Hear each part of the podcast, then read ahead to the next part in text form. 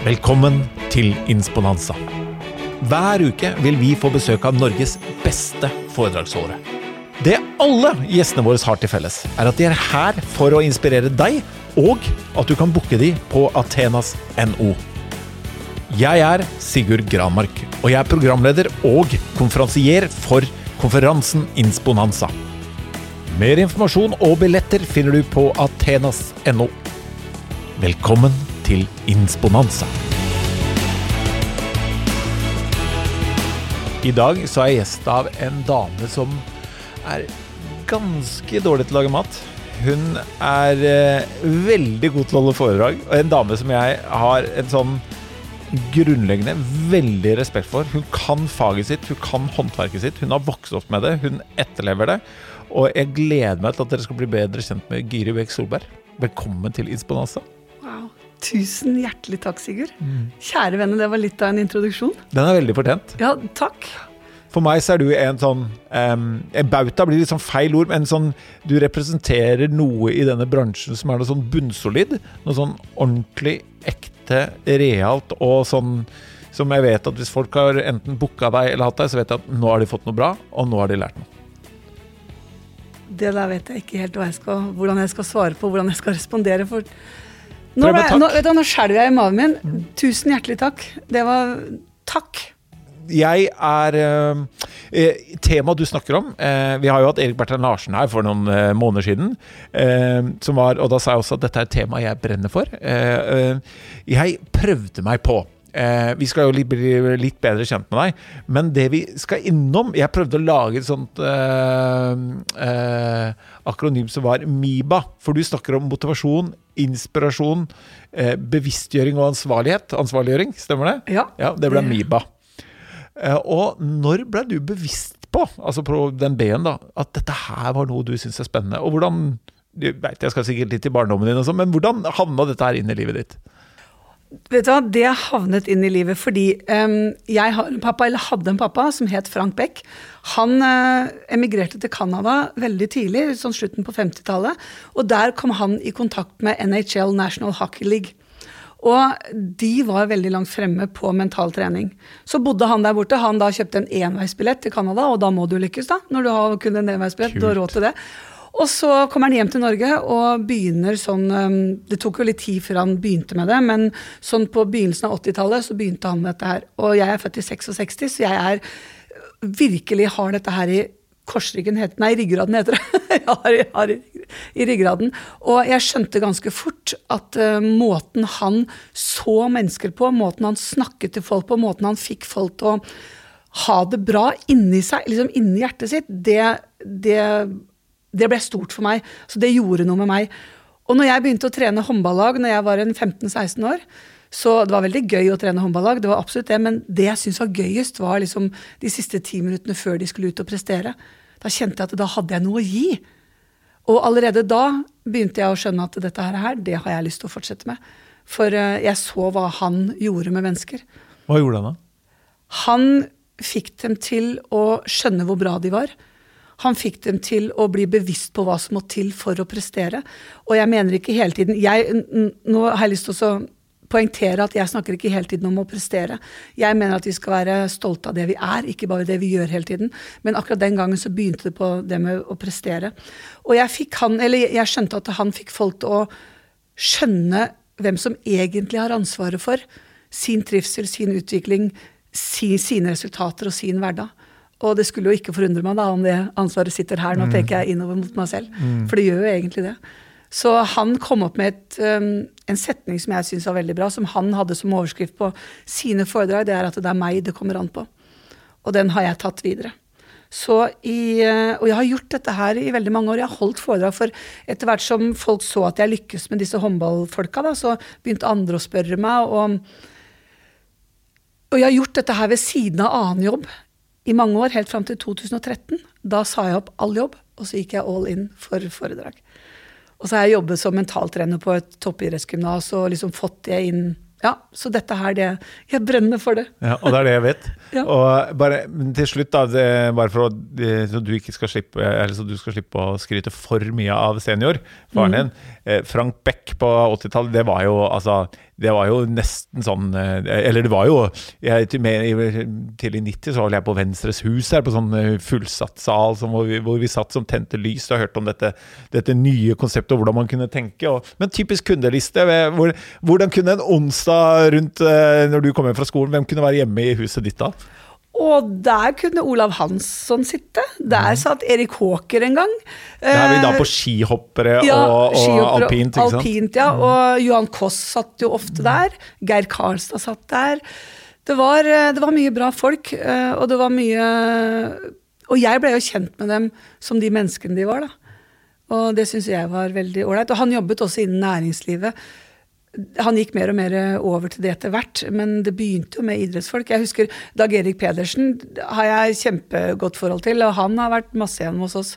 Jeg husker han, han fortalte meg en gang måten far tok kontakt med han. Jeg tror det var at det, far så at Dag Erik hadde veldig bra resultater, så han ringte han. Og så sa han du, hva er det du gjør for noe som gjør at du er så god? Kult. Så han var veldig opptatt av å lære av folk som var gode. Eh, og eh, når du har holdt på med dette her siden 2013-2014, ish, det jo, da har vi jo noe til felles der. Eh, hvordan lærer du, da? Hvordan lærer du nye ting, utvikler deg? Eh, hva er den reisa di? Uh, litt tilbake til Far sa bestandig til meg når jeg var liten at Gyrid, meng deg med folk som er gode. Meng deg med folk som er bedre enn deg, sånn at du kan lære. Og i begynnelsen så gjorde ikke jeg det. Vet du hva, Sigurd? Jeg, eh, jeg mengte meg med eller mengt, mangma, Hva heter det? Det heter mengte meg med folk som var dårligere enn meg, sånn at jeg så veldig god ut. Ja. Men poenget var at jeg lærte jo ikke en dritt av det. vet du. Jeg lærte jo ingenting. Så jeg begynte å henge med folk som var gode. Jeg tok utdannelse, den sånn coachingutdannelse. Jeg leser mye, jeg går på masse kurs. Jeg spør folk. eh, Jeg er veldig nysgjerrig. Hva er det som gjør at du er så god? Liksom? Hvorfor er du så god? Eh, Og jeg, jeg henger med folk som er gode. Hvem er det som i det siste har lært deg noe? Hvem er det du syns har vært uh, hun eller han som du har liksom Det plukket jeg fra den. Marit Breivik, Ja. uten at jeg kjenner henne i det hele tatt. Men hun, uh, hun følger jeg nøye med. Anja Hammerseng Edin. Jeg har jo jobbet med Anja siden hun var en seks-syv år selv, men nå lærer jeg av henne. hun er så god. Gro. Altså, eh, og Wayne Dyer. Jeg går litt bort til Ja, Amerika. du det? Ja, ja, masse, kult. Ja. Ja. Ja, det er spennende. Ja, Ja. veldig spennende. Da går vi over til også den derre hvem vi er, og ikke bare hva vi gjør. Nemlig. Uh, Den, og den litt mer holistiske Ja. tankegangen. Den er jeg veldig opptatt av. Og jeg, og jeg Nei, vet du hva, jeg, jeg går Jeg lytter til så mye podkaster jeg kan. Som du, du nevnte Erikstad, Erik Bertrand Larsen. Jeg syns han har masse bra å komme med. Så mm, den dagen du føler at du er utlært, så har du tapt, altså. Ja. Hva er forskjellen på um, eh, Ikke sant? Vi, vi sier ofte hva vi er, er det som betyr noe, ikke hva vi gjør. Men så blir vi jo ofte det vi er, er ofte summen av hva vi har gjort. For Ja. valgene våre påvirker også hvem vi er, og valgene, eh, hvem vi er påvirker valgene. Det er sånn evig runddans, da. Som jeg tror også folk undervurderer. Fordi man sier man skal ikke dømme folk ut fra hva de gjør og ikke hva de er, men så må man se at dette henger sammen. Eh, når, vi, når, når vi snakker om eh, når du snakker i foredrag, eh, og mental styrke, og dette her med, med ansvarliggjøring, hvor mye er knytta til handlinger, og hvor mye er knytta til selve, og dette her med er? Hvor er det du jobber hen? Jeg jobber helt klart begge steder. Ja. Eh, eh, nå i det siste så har jeg blitt mer opptatt av hvem vi er, og hva vi Fordi at det, måten vi snakker til oss selv på eh, jeg, jeg tror at de to de to viktigste ordene i vårt vokabulær, det tror jeg er 'jeg er'. Og det vi sier etterpå, det, eller det setter litt ord på hvordan vi ser på oss selv. Jeg er teit, jeg er dum, jeg er treig, jeg er ikke sant? Eller jeg er fin, jeg er grei, jeg er snill, jeg er inkluderende, jeg er smart. Og, og, så jeg tror det er veldig viktig måten vi snakker til oss selv for, for når vi snakker til oss selv, så har vi kun én som lytter. Og det er den personen i verden du vil mest vel. Så jeg tror vi skal være veldig opptatt av, eller jeg tror vi skal være veldig obs på hvordan vi snakker til oss selv. Og vi kan jo f.eks. Vi, vi har jo alltid Og nå vil jeg si en ting som er veldig viktig for meg, Sigurd. Og det, det er viktig for meg at jeg sier. Jeg jobber ikke med folk i krise. Nei. Jeg er ikke en terapeut. Good to great. Yes. Jeg er, eh, jeg er ikke terapeut. Da har jeg folk som, altså, som jeg sender folk videre til, da, som jeg bruker, som er gode på det. Men, men jeg, jeg, tror det er veldig viktig å lete etter det som er bra, og ta seg sjøl i å være god. Og tørre å, tørre å ta seg sjøl i å være god. Og jeg driver mye med egenvurdering. Og da kommer jeg litt tilbake til Nå vet jeg ikke helt om jeg svarer på spørsmålet ditt, nå kjenner jeg at jeg detter litt ut. Men, det går bra, jeg henter deg inn igjen. ja, ikke sant, du henter meg inn igjen. Men, men, jeg tror det er veldig viktig, for at vi blir nemlig vurdert av alle rundt oss hele tiden. Vi blir vurdert av kollegaene våre, vennene våre, kundene våre, samfunnet generelt. Eh, og jeg tror det er veldig viktig at vi nå begynner å vurdere oss selv. Og måten vi skal vurdere oss selv på, i min verden, syns jeg er alle de jeg jobber med, etter hver trening, etter hvert møte, etter hvert ting de har prestert eller gjort noe, så skal de sette seg ned og skal de tenke hva var bra, hvorfor var det bra, og hva kan jeg bli bitte litt bedre på. Mm. Da har du først tatt deg selv i å være god, og så har du funnet ut hvorfor. Og grunnen til at du skal finne ut hvorfor, er jo fordi at du skal gjøre det en gang til. Og så har du satt deg mål foran neste trening eller foran neste møte eller foran neste kundemøte. Hva kan jeg bli litt bedre på? Og jeg tror i, i det sekundet vi legger litt fra oss den der prestasjonen, og så bare gjør det vi skal gjøre. Bare gjør fotball, gjør håndball, gjør det vi skal gjøre, så blir vi gode. Og det finner vi først ut av når vi har blitt flinkere til å ta oss selv i å være gode og vurdere seg selv. Og snakke seg selv opp, rett og slett. For det er jeg som har ansvaret for ja, og der, Har du noen teknikker hvor Sånn som jeg, jeg, eh, jeg har mine morgenritualer, da. Og, ja. og stort sett så Sånn som i ta, ta, dagen i dag, da. Mm. Hvor jeg starter med Jeg er jo tidlig opp som regel, gjør yoga, og så gjør jeg en sånn uh, kvarter med pusting. Mm. Og da, når jeg puster da, så i, for yogaen så har jeg én intensjon, uh, og det er stort sett få kroppen til å bli litt mer bevegelig. Bare heal, som jeg pleier å si. Altså jeg er der for å sette kroppen i best mulig stand.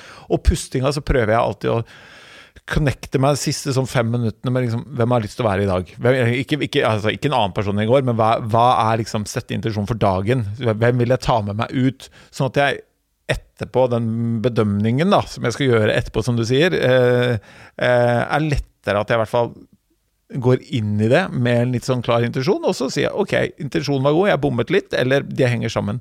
Har du noen sånne teknikker på hvor, hvor starter man? Hvordan jobber man for å snakke godt til seg selv, eller uh, være bra med seg selv? Jeg bruker uh, Nå skal jeg fortelle noe som er helt sant, og så ljuger jeg sikkert litt. og grunnen til at jeg sier at jeg ljuger, er at jeg skal komme tilbake til det. Men jeg bruker hver morgen så bruker jeg 20 sekunder på å tenke hvorfor kommer jeg til å ha det bra i dag? Ja, og grunnen til at jeg sier at jeg ljuger, er at jeg glemmer ofte. Mm. Men det er målet mitt. ikke sant? Mm. Så jeg setter meg ned, og så tenker jeg, eller idet jeg våkner opp og ligger i senga, eh, så har jeg eh, først en setning som jeg sier. Da sier jeg hver dag, uansett hvordan jeg ser på det, så går det bedre og bedre for meg. Og med det mener ikke jeg at jeg skal prestere så veldig bra hele tiden, men hvis jeg møter bumper, da, som jeg selvfølgelig møter, hvis ting går skitt, som det selvfølgelig gjør innimellom, så takler jeg det bedre i dag enn det jeg gjorde i går. Så hver dag, uansett hvordan jeg ser på det, så går det bedre og bedre for meg. Det er det første jeg sier til meg selv når jeg våkner. Ja, og altså, det, Den er fin. Den er kjempefin. Og så er la en hjerne så enkel at jeg liker godt at du sier at det gjør jeg alltid på samme sted. For jeg har lagt merke til Eller er det sånn, hvis jeg spør deg, da, at hvis man da legger til sånne teknikker på fast sted, og et sted man har kontroll på hvor man er hver dag, så er det lettere at du husker å gjøre det? Absolutt. Ja, ja det tror jeg. Mm. Og så stiller jeg meg selv et spørsmål hvorfor kommer jeg til å ha det bra i dag? Hva er det som gjør at jeg kommer til å ha det bra? Så nevner jeg tre ting. For det første så har jeg en flott mann. For det andre så bor jeg på Nøtterøy, altså det, det, er lov å si det. For det tredje så har ungene flytta hjemmefra, nå tøyser jeg veldig. Men det er, det er, liksom, det er liksom, litt, det er liksom litt digg, da. Og så, og så, bestemmer jeg meg for akkurat det samme som deg. Hvem, hvem vil jeg være i dag? Og når jeg går og legger meg om kvelden, så tenker jeg alltid hvorfor har jeg hatt det bra i dag? Mm. Hva som har gjort at jeg har hatt det bra? Mm. Så går jeg gjennom en tre-fire ting som har gjort at jeg har hatt det bra. Og det er ikke bestandig jeg klarer å finne det.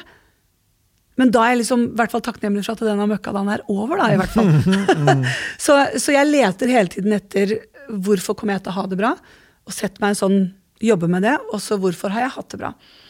Og Jeg hører på det Giri sier nå, fordi eh, dette her er sånn typisk som jeg tror veldig mange Når folk hører det, så tenker man ja, kan, man, kan man sitte sånn, eller det er sikkert smart, eller det har man kanskje hørt før, eller Eller så lurer folk på gjør de egentlig det. Eh, men Girid gjør det, og det, det, er igjen den der, I USA når man sier at man skal drive med sånn takknemlighet Det er bare rett og slett å hjelpe hjernen din. Hjelpe deg selv på å minne på at det er bra ting i livet ditt. Og det er, Jeg har sett det så mange ganger, jeg har lest så mye om det og snakket med så mange personer som deg som gjør det, og det fungerer. Det er, trenger ikke være mer komplisert, men så er det det å gjøre det, da. Er folk bevisste? Altså, er, det, er folk ansvarlig? Ja, og det, eh, det, er veldig mange som har lyst til å være det, i hvert fall. Mm. Det er veldig mange som spør meg, som, som uh, forteller at de gjør det.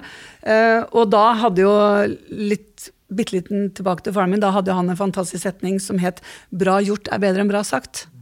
Én ting er å fly rundt og si at du skal gjøre det, en helt annen ting er å gjøre det. Og for en stund siden, for noen år siden så hadde jeg, og nå tøyser jeg litt jeg, jeg, møtte litt veggen, og jeg gjorde ikke det. Det var en sånn skikkelig ordentlig lettvegg. Jeg var, når jeg er sur, Sigurd, så er jeg langsur.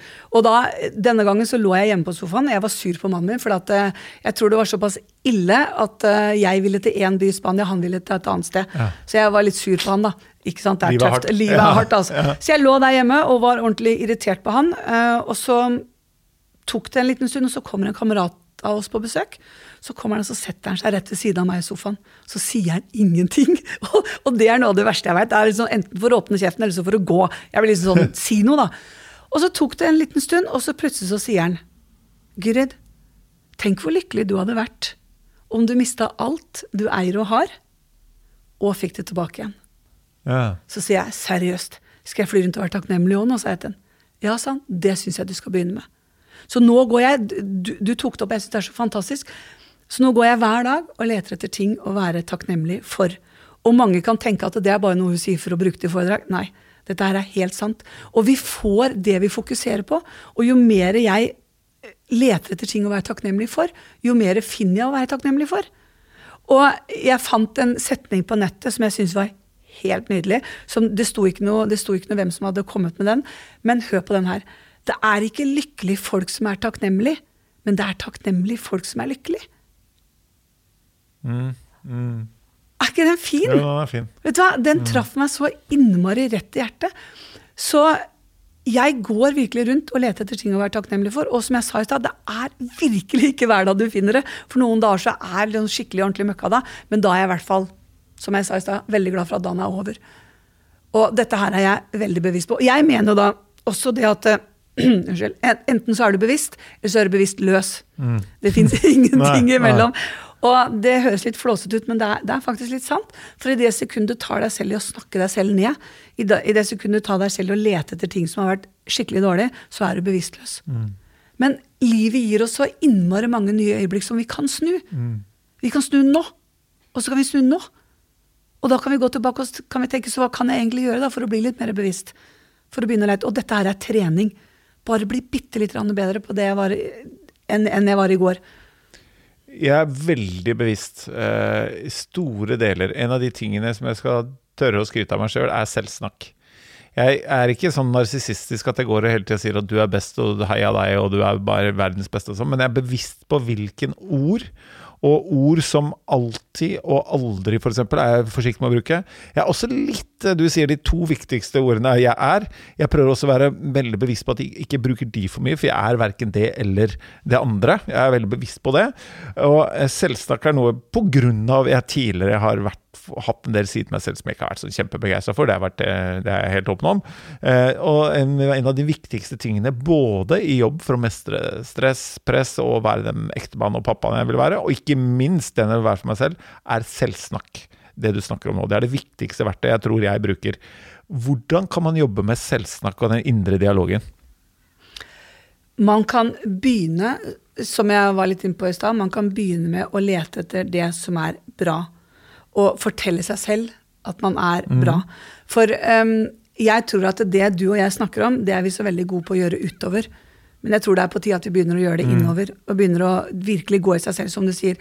Og, og lete etter um, For eksempel, jeg, uh, jeg står og det er liksom en sånn floskel, men jeg liker egentlig litt floskler noen ganger. Uh, stå i speilet, pek på deg selv, og si du er, du, du er bra. Jeg har eh, tre sånne, tre sånne små, ikke nevøer, men nevøene mine har tre barn. Og de, de, har jeg begynt å jobbe med tidlig. De skal stå i speilet, og så skal de stå og si 'jeg liker deg'. Og jeg klarer liksom ikke helt å komme bort fra det med å lete etter det som er bra ved meg selv, og tørre å si det. Man trenger ikke å si det høyt. Jeg, jeg, jeg trenger ikke å gå rundt og liksom med armene over været og si at jeg er så digg, og jeg er så Eller gjerne gjør det hvis du vil det, men innimellom tør å ta deg selv i å være bra, og innimellom si det til deg selv. At i- dette var bra. Og bli Og- Ja. Ja, unnskyld. Bare Nei, for- kjør på.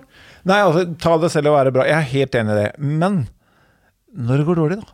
Hva, hva, har du noen teknikker for F.eks. så har sett forskning som viser at flere eh, og flere opplever en Kall det en liksom selvtillitssvekkelse, eller en, en sånn At de ikke føler seg bra etter en del av disse digitale møtene vi har på jobb. For du kommer ikke til ord, eller det du ble avbrutt av noen andre, eller at du følte at det, ble sagt, det du sa ikke ble helt riktig, for du får ikke disse bekreftelsene på den ene eller andre måten.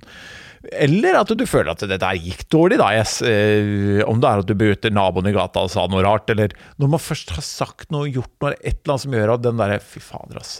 Når den kommer. Hva, hvordan kan man snu om og komme seg ut av det? Det første i min verden du må gjøre, er å akseptere at det har skjedd. Det skjedde.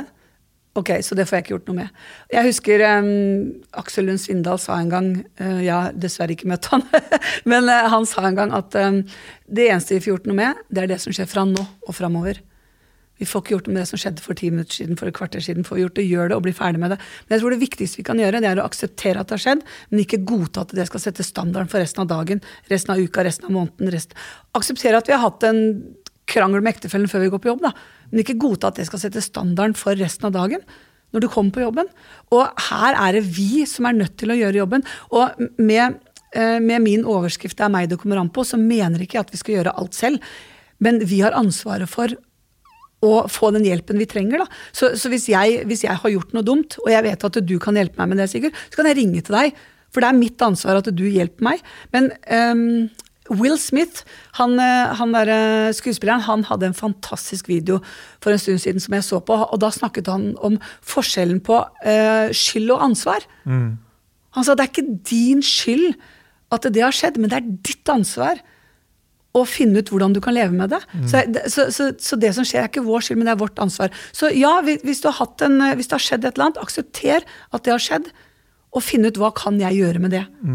Når jeg, jeg gikk ofte til faren min og klaga. Veldig ofte. Når jeg ikke fikk nok spilletid på, på treninga, så var det, eller på kamper, så var det trenerens feil. Når jeg fikk igjen en toer i matte, for jeg har noe som heter dyskalkuli, jeg, har, jeg skjønner ikke tall, jeg skjønner ikke pøkk av tall. Så når jeg fikk en toer i matte igjen, så var det lærerens feil. Og når jeg ikke nådde resultatene mine, så var det alltid kundens feil, eller var budsjettets feil, eller var whatever. Og da kikka alltid faren min på meg, og så sa han hva har du tenkt å gjøre med det? Og det å ta det ansvaret og akseptere at ja, nå går det litt dårlig, men hva, hvordan kan jeg komme opp igjen? Så, så da må jeg kanskje, kanskje jeg må lære litt mer, kanskje jeg må snakke med noen, kanskje jeg må lese mer. Men eh, ja, jeg tror det er viktig å akseptere, men ikke godta. Helt enig. Og eh, den podkasten her er jo både til folk privat, man kan ta med seg på tur med bikkja, men de fleste som hører på den her, skal jo på en jobb. Enten via et, eh, en skjerm, eller til, etter hvert også tilbake. Hva lurer næringslivet på når de booker foredraget? Du er jo i eh, det- inn og ut av denne, i hvert fall min Facebook, men Å, der syns jeg foredragsholdere eh, Der må vi få lov å le litt av oss. Eh, der, eller jeg kan nesten sånn le litt av dere, da, for jeg gjør det ikke like mye selv. Men vi foredragsholdere har jo funnet ut at markedsføring i foredragsbransjen, det er å vise at vi jobber. Det er vel ingen annen bransje hvor faktisk primærmarkedsføringa sier 'jeg er på jobb', så tar vi bilde, så sier vi 'vi er på jobb', og så tar vi bilde, og så da er vi markedsført. Og så klapper en av oss, og så klapper andre, og så sier vi 'kjempefint, vi markedsfører at vi jobber'. Det vært kult, og sykepleiere gjorde det samme. Vi er på jobb. Men du også tar jo bilder når du er på jobb, og det er du ofte. Hva er det næringslivet lurer på når de, ser- når de booker foredrag det er meg det kommer an på? Hva vil de at du skal snakke om? De vil, og de fleste av dem vil at jeg skal snakke om den ansvarliggjøringen, det å slutte å peke utover. Det å ta ansvaret for, eh, som jeg snakket om flere ganger i dag, eh, for det er så veldig lett å skylde på alle andre. Det er så lyst til å peke utover. Datteren min, eh, Jeg pleier å fortelle en historie, for datteren min sa til meg en gang for flere år siden at jeg har så lyst til å finne en som kan gjøre meg lykkelig. Så jeg nei, det får du ikke lov til. Nei. Nå kan du sørge for å bli lykkelig selv først, og så kan du finne en å være lykkelig sammen etterpå.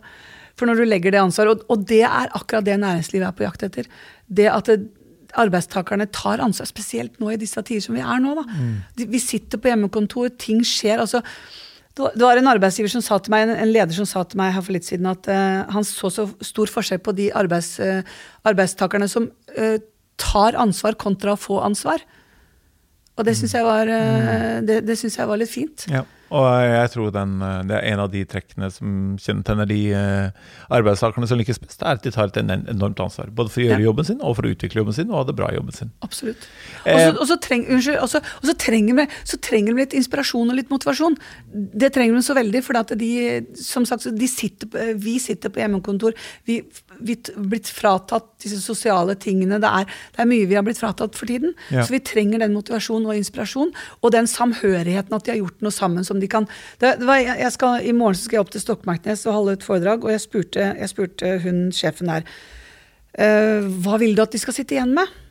Og så sa hun uh, jeg vil gjerne at de skal sitte igjen med motivasjon, inspirasjon, ansvarliggjøring og det, det som har vært nå, er at um, vi har ikke noe å snakke om på jobben lenger. Eh, de sosiale settingene, de er borte. Så det blir litt mindre å snakke om, sa til meg. Så vi, jeg skal faktisk på fysisk foredrag. Ja, det er helt rått. rått. ja, det, det misunner jeg deg. Ja. Eller så lenge smittevern, og det er Ja, jo det selvfølgelig ivaretatt. så. Så du kommer hjem frisk og rask. Eh, vi, I MIBA, da, som jeg kaller ditt konsept, eh, motivasjon, inspirasjon, bevisstgjøring, ansvarliggjøring. M-en og I-en, eh, motivasjon og inspirasjon. Og her setter jeg deg litt Jeg håper ikke jeg setter deg i offside, sånn at du ikke vet hva du skal svare helt, men eh, jeg har jo mine tanker på forskjellen på motivasjon og inspirasjon. Eh, Har du det? For vi, det er jo to ord veldig mange bruker, og sier jeg vil gjerne ha et inspirasjonsforedrag eller motivasjonsforedrag, eller gjerne begge deler, sier folk. Ja. Og så tenker jeg, hva er forskjellen? Og det, hva er forskjellen? Um, det er veldig mange som eh, ringer til meg og så sier de, kan du komme og motivere oss. Så sier jeg nei, det kan jeg ikke. Men jeg kan komme og gi dere verktøyene, sånn at dere kan gjøre det selv. Jeg syns at motivasjon er noe som du skal gjøre selv. Det er din motivasjon. Inspirasjon er noen som kommer og gir deg noe. Veldig bra. Det syns jeg er forskjellen. Wow, det virka så, så bra! Er, er vi enige? Ja, altså problemet er jo nå at når du jobber som foredragsholder, da, er at en del kunder bestiller jo ting, også av andre foredragsholdere, hvor egentlig ikke begge to er enige om hva faktisk vi skal snakke om. For de sier du har et inspirasjonsforedrag, så jeg sier er du helt sikker på det? Skal ansvaret ligge hos meg? Skal det ligge hos, eh, kanskje hos dere i ledelsen? Eller skal vi snakke om gå over til motivasjon og gi det litt verktøy og sånn som gjør at de kan gjøre noe med det? Vi kan gjerne inspirere det til det, men da bør vi i hvert fall gå over i dette her. Derfor er jeg veldig bra. Jeg er veldig enig i det. Og jeg tror at, For det er to begreper som bare kastes inn i hverandre, men som er, har en helt forskjellig betydning for hvordan du kan flytte folk. Hva er dine tanker rundt motivasjon, da? Og, og folks forhold til motivasjon, og hva brenner du for der? Jeg, eh, for det første så brenner jeg jo for at de skal ta tak selv og gjøre det. Jeg kan komme og inspirere dem, og jeg kan komme og gi dem verktøy, men det er, det er de som må gjøre jobben. Og, og, og det, det å være motivert, så, så hva betyr det da? Jeg, jeg tror det er veldig viktig å øhm, gjøre ting som du syns er gøy. Da, er du lett, da blir du lett motivert. Jeg sier ofte det at uh, Finn ut, finn, ut du, altså, finn ut hva du blir glad av, finn ut hva som du syns er gøy, og gjør mer av det. Da blir du motivert, tror jeg. Og, og dette her er jo en her er jo en sånn uh, Gjør du noe som er kjedelig, så mister du motivasjon. Og gjør du noe som ikke du er så veldig god på, så mister du motivasjonen. Men det kan godt hende at du, at du kan finne en motivasjon til å bli bedre på noe. Det er jeg helt åpen for, men jeg, jeg tror det er viktig å synes det er gøy, gjøre noe du liker, gjøre noe du digger, gjøre noe du elsker. Og bare bli litt bedre for hver eneste dag. Og finne den motivasjonen i å bli litt bedre. Ja, vi skal ta oss selv og være gode. Ja, vi skal synes at vi er gode nok. Selvfølgelig skal vi det. Men å bli litt bedre, det tror jeg er kjempeviktig. Det lærte jeg. Hasse Torbjørnsen sa det en gang til meg, og faren min har sagt det mange ganger. Bare bli litt bedre enn det du var i går. Og det har vært min motivasjon. Og hvor viktig er mål, syns du, innen motivasjon? Det syns jeg er veldig Målbildet, viktig. ja. Ja, det, så absolutt. Eh, resultatet resu, Altså, eh, jeg hadde en fotballspiller her om, for noen uker siden som ringte meg og sa at Guri, de har slutt så skårer mål. Sånn. Så sa jeg det målet du scorer, det kommer som et resultat av den jobben du gjør fram til du scorer målet. Det er en prosess. Så ja, vi skal ha mål. Vi skal ha store drømmer og vi skal ha lyst til å gjøre det og det, men, men i hverdagen bare bli litt bedre enn det jeg var i går. Så jeg setter meg mål hver eneste dag. Jeg. Skal bli litt flinkere til å komme opp av sofaen, litt flinkere til å snakke meg selv opp. Litt flinkere til å si takk når noen skryter av meg, for det, er, det jobber jeg hardt med. Ja. Litt flinkere til å Ja, øh, jeg setter meg mål hver eneste dag. Ja, og jeg tror jo fordi eh, veldig mye av det Både med folk jeg jobber med, eh, selskaper jeg har analysert, og medarbeidere, utøvere, og ikke minst meg selv. Så lenge målet er sterkt nok, målet er tydelig nok, og lysten til å nå det er sterk nok, så er det nesten sånn at jeg begynner å like det som er kjedelig. For da kan det nesten være så kjedelig det bare vil, men jeg vet at det jeg gjør er både riktig og nødvendig for å nå målet. Derfor syns jeg en del eh, synes at ja, men det er ikke så ålreit å gjøre dette hver dag. Så jeg, men, men ser du ikke betydningen av det? Altså, Da er det jo litt sånn eh, Da blir det egentlig irrelevant. Det er det som kreves for å nå målet. Er du enig i det? Ja, helt ja. fullstendig enig. Og vi, vi, vi, er nødt til å gjøre de, gjøre de, tingene som altså Skal jeg få en sterk mage, så er jeg nødt til å ta de situpsa. Jeg, kan liksom, jeg kan godt drømme om å få en flott mage, eller jeg kan godt drømme om å få bra kondis, eller jeg kan godt drømme om å bli litt bedre til Et av målene mine, da, sikkert det kan jeg jo være åpen og ærlig på, det er at jeg skal bli litt flinkere til å snakke sakte. Mm. Og eh, det har vært et mål for denne podkasten. Og jeg, jeg, hadde et foredrag forrige uke for noe som heter Atlas Copco. Og det var et digitalt foredrag. Og eneste målet mitt Selvfølgelig jeg skulle levere på det de hadde bestilt, men målet for meg var å trene på å snakke sakte. Og det som var morsomt, var at jeg klarte det.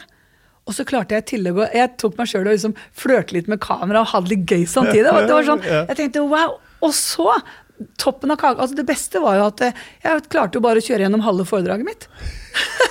så de kan jo hyre meg inn en gang til. Og så ja, foredrag. Men, men det, ble det bedre, da? Ja. Eller, ja. Er det noen som har sagt til deg at du snakker så fort, eller er det en følelse du har? Det er en følelse jeg har. Men vet du at den stemmer, da? Uh, ja, altså når du hører på deg selv etterpå, så, og du har det i bakhodet at du snakker fort, så ja. Men, uh, men det har vært målet mitt i mange år å snakke saktere og bli tydeligere. Ja. Jeg sluker ordene, så jeg jobber med dette her. Ja, okay. Så å sette seg mål, det er, det er, jeg veldig bevisst, og jeg jobber mye mot det. Når du uh, snakker med igjen næringslivet, når det er et for i Storkbergnes eller Fatlas Kopko eller andre, jeg så det har vært noen forsvarsgreier også, uh, eh, hvor bevisst er folk på motivasjonen sin. Jeg, har et, jeg skal ikke si hva jeg har inntrykk av. Hva tenker du når du møter et selskap, det er uh, i Teams eller andre plattformer eller fysisk, her sitter det 100 stykker, tenker du her vet stort sett alle hva som motiverer dem å ha kontroll på motivasjonsteorien sin, eller hvor står uh, Ola Kari? Jeg tror ikke de er veldig, veldig bevisst på det.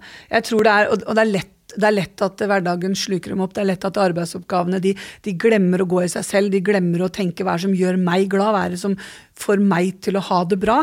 For jeg tror at når vi har det bra, så gjør vi en god jobb, som jeg sa. Men jeg tror ikke de er så veldig bevisst på det. Dessverre. Jeg skulle ønske de var mer bevisst på det, for det gjør jo livet vårt så mye bedre, da. Når vi tør å gå i oss sjøl og tør å Ja, fuck janteloven innimellom, unnskyld uttrykket, mm. men uh, tør å ta sjøl i å være god og tør å jobbe med å være motivert. Mm. For, for, jeg også trenger altså Det er ikke sikkert det du og jeg motiverer folk. Det er ikke sikkert det, det du og jeg, det vi to snakker om, motiverer folk. Men finn det som motiverer deg. For meg så kan det være å ligge på sofaen hjemme hver kveld en hel time og se på Big Bang Theory. Jeg elsker Big Bang Theory, for det er mitt ansvar å sette meg i godt humør.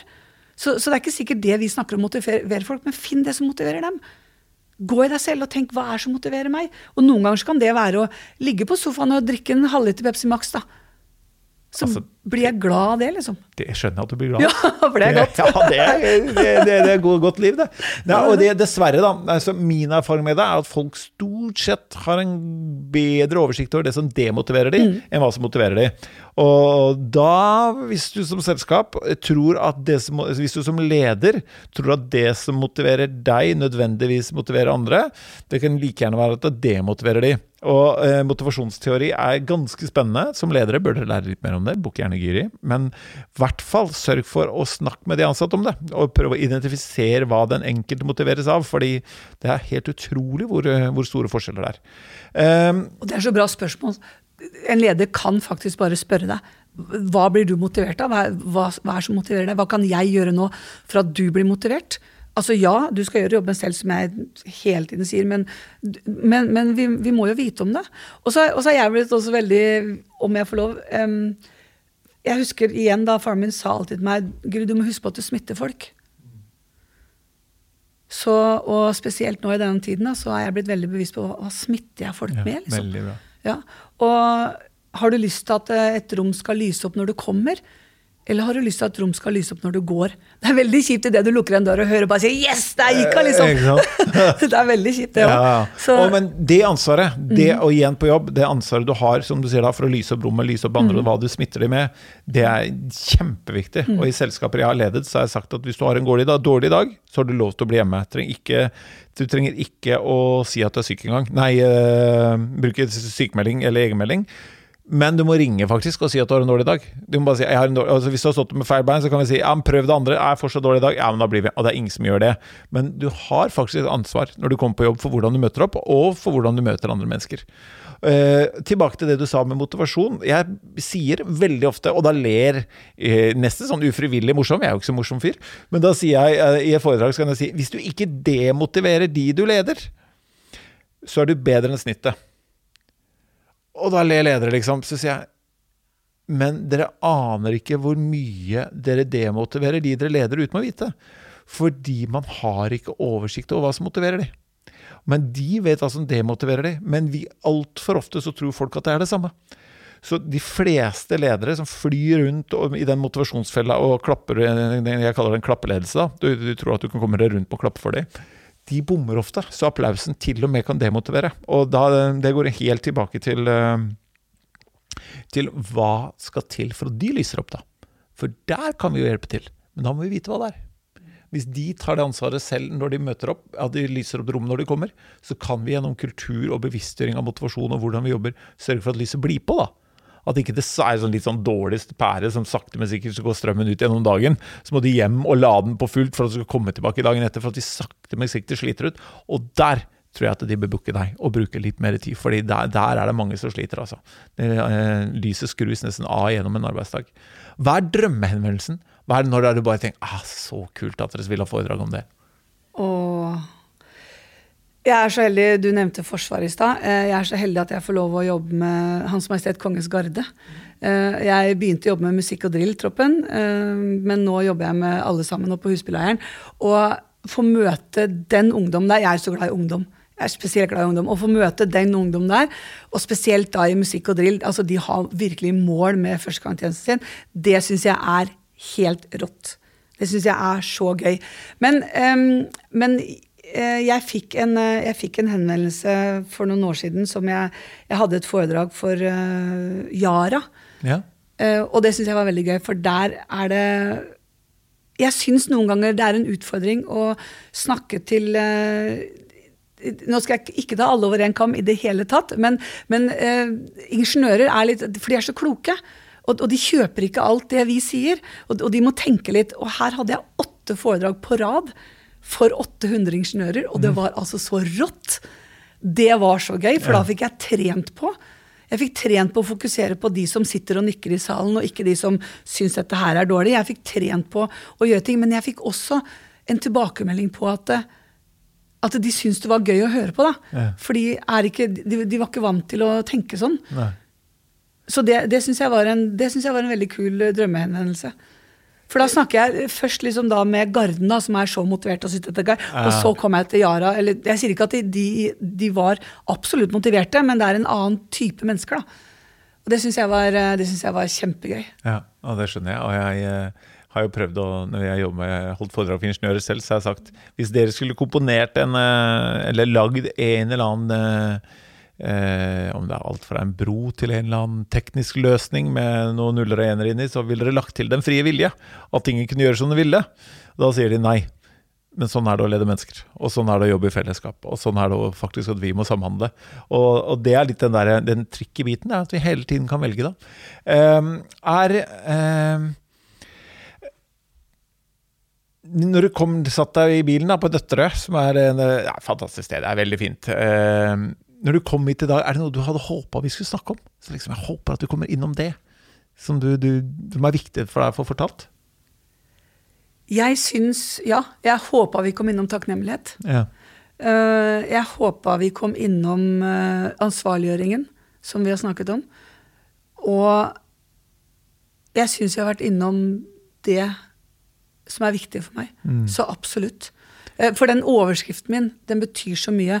Og vi kan godt si at ja, det er oss det kommer an på, det er teamet det kommer an på, men til syvende og sist så er det meg det kommer an på. I, i mars, når, når det stengte ned eh, i fjor, eh, når det stengte ned for alle, så satt jeg og hadde så å si fulle bøker helt fram til sommeren, eh, som veldig mange andre, og så mistet jeg alt, som alle andre. Og jeg kan ikke klage så veldig, fordi at mannen min fikk beholde jobben, så vi måtte bare senke liksom, levestandarden litt, så funka det. Og det tror jeg vi har veldig godt av, å gjøre det. Jeg tror det var helt fint. Men, men da gikk jeg litt sånn jeg gikk litt i kjelleren. Jeg syntes det var litt kjipt. Jeg syntes det var vondt. Uh, mest fordi at ingen hadde brukt for meg, ville ha meg. Det var ikke det at ikke de ville ha meg, men det var ikke noen i samfunnet som hadde brukt for meg. Det syns jeg var litt vondt. Og så var jeg veldig lei meg i en måneds tid, og så plutselig så kom jeg på at eh, ja, men Gyrid, du har jo tross alt et foredrag som heter 'Det er meg det kommer an på'. så jeg møtte meg sjøl i døra noe så innmari. Herlig at du er ærlig på det. Ja, jeg er dødsærlig på det. Og, og da tenkte jeg, så hva kan jeg egentlig gjøre, da? Og da så jeg for meg faren min, da, som døde i 2014. Jeg så for meg han som satt i sofaen og bare Gyrid, så hva har du tenkt å gjøre med dette, da? Og da tok jeg så tak i meg sjøl. Og jeg begynte å jobbe enda mer innover enn det jeg hadde gjort. Jeg begynte å snakke om pusten, sånn som du snakka om i begynnelsen, Sigurd. Jeg synes det var så bra at du gjorde det. Eh, Og jeg begynte å, begynte å virkelig følge med på folk som jeg hadde lyst til å lære av. Jeg begynte å utdanne meg mer. Ikke sånn eh, ekte utdanning, holdt jeg på å si. Ja, du skjønner hva jeg mener. Og jeg begynte å jobbe med ting jeg kunne gjøre noe med. Og så bestemte jeg meg for å være en del av løsningen, og det hadde jeg veldig lyst til å si. Fordi um, når du, når, hvis du er en del av problemet, så er du ikke en del av løsningen. Så løsningen for meg var jo å følge FHI sine regler og gjøre alt riktig. Men ehm, jeg syns jeg har kommet innom alt, bare jeg fikk fortalt akkurat den lille historien der, for den er litt viktig for meg. Ja, når du kom på det faren din Jeg ser du har en ring på kjedet ditt. Er det faren din sin ring, eller? Nei. Det er min giftering, jeg får den ikke på meg lenger. Er det det? Tenkte jeg, bærer den så med deg? Det nei, nei, nei. Det er gifteringen min, for jeg har, så, jeg har lagt på meg i koronatida, så jeg får den ikke på meg. Ja, ok, Men ta på deg senere, da. Jeg skal ta på meg senere. Eh, Jeg lover det. Men, eh, men jeg, jeg har to armbånd, da. Ah. Som det står eh, 'Det er meg det kommer an på', og så 'fuck janteloven'. Ja, da, be- begge er veldig bra. Er veldig bra. Eh, du har jo eh, to siste spørsmål fra meg. ja. Eh, hvem ser du opp til nå? Hvem er mentoren din? Du, du nevnte liksom Wayne Dyer og andre du så opp, men, men har du noe sånn hvis du, eh, Hvil i fred, din far, da. Hvis, men hvis du skal klare å si hvem, hvem er det som inspirerer deg nå? Hvor, hvem henter du inspirasjon fra? Det Eh, er lov å si ingen. Ja, eh, men eh, hvis vi ser bort fra akkurat det faglige, Mm. så er det moren min. Eh, For moren min er 90 år. Hun går tur med sin rullator halvannen time hver eneste dag, uansett vær. Hun gleder seg hun, hun er veldig spent på hva som skjer når man dør. Hun, hun er veldig hun tenker veldig mye. Hun er ikke, ikke noe spesielt kristen, men hun tenker veldig mye. Hun er så klok, hun er så trygg, og hun tør å gjøre ting som jeg ikke hadde tort, tror jeg. Så moren min er absolutt en person jeg ser veldig opp til. Eh, og um, så er det jeg, har egentlig ikke så veldig mange andre som Jeg følger veldig mange, som jeg ser, men, men moren min er den jeg ser opp til. Eh, Det virkelig, Og det var det også før far døde. Jeg har alltid sett mest opp til moren min, for det er hun som har stått bak alt. Fint. Mm. Hva er du mest stolt av ved deg selv? Jeg er mest stolt av at jeg tør å gjøre det jeg gjør nå. For det har ikke vært eh, det har ikke, Jeg har ikke tatt det for gitt at jeg har tort det. Jeg har eh, brukt mye energi på å grue meg masse foran hvert foredrag. Jeg har spydd foran hvert foredrag. Jeg har hatt det, men jeg tror så på det jeg snakker om. Og jeg er så stolt over at jeg tør å eksponere meg. Jeg tør å være der ute, og jeg tør å vise hvem jeg egentlig er. For jeg tror jeg er på vei til å finne ut hvem jeg egentlig er. Og jeg er stolt over at jeg tør å gjøre akkurat det.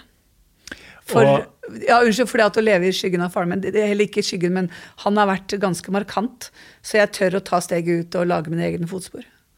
Og de fotsporene, Hvis du vil være en del av den reisa og en del av de fotsporene, så er jeg ganske sikker på at hvis du tar kontakt med Athenas og booker Gyrid, så vil du få ansatte, ansatte som tar mer ansvar, og igjen da blir også mer stolt av seg selv. Giri Bech Solberg, eh, tusen takk for at du stilte inn Insponanza. Tusen hjertelig takk, Sigurd, for at jeg fikk lov å komme. Dette, og jeg, nå har jeg ståpels. Dette syns jeg var kjempe, kjempeålreit. Like. Takk for meg. Hver uke vil vi få besøk av Norges beste foredragsholdere. Det alle gjestene våre har til felles, er at de er her for å inspirere deg, og at du kan booke de på athenas.no.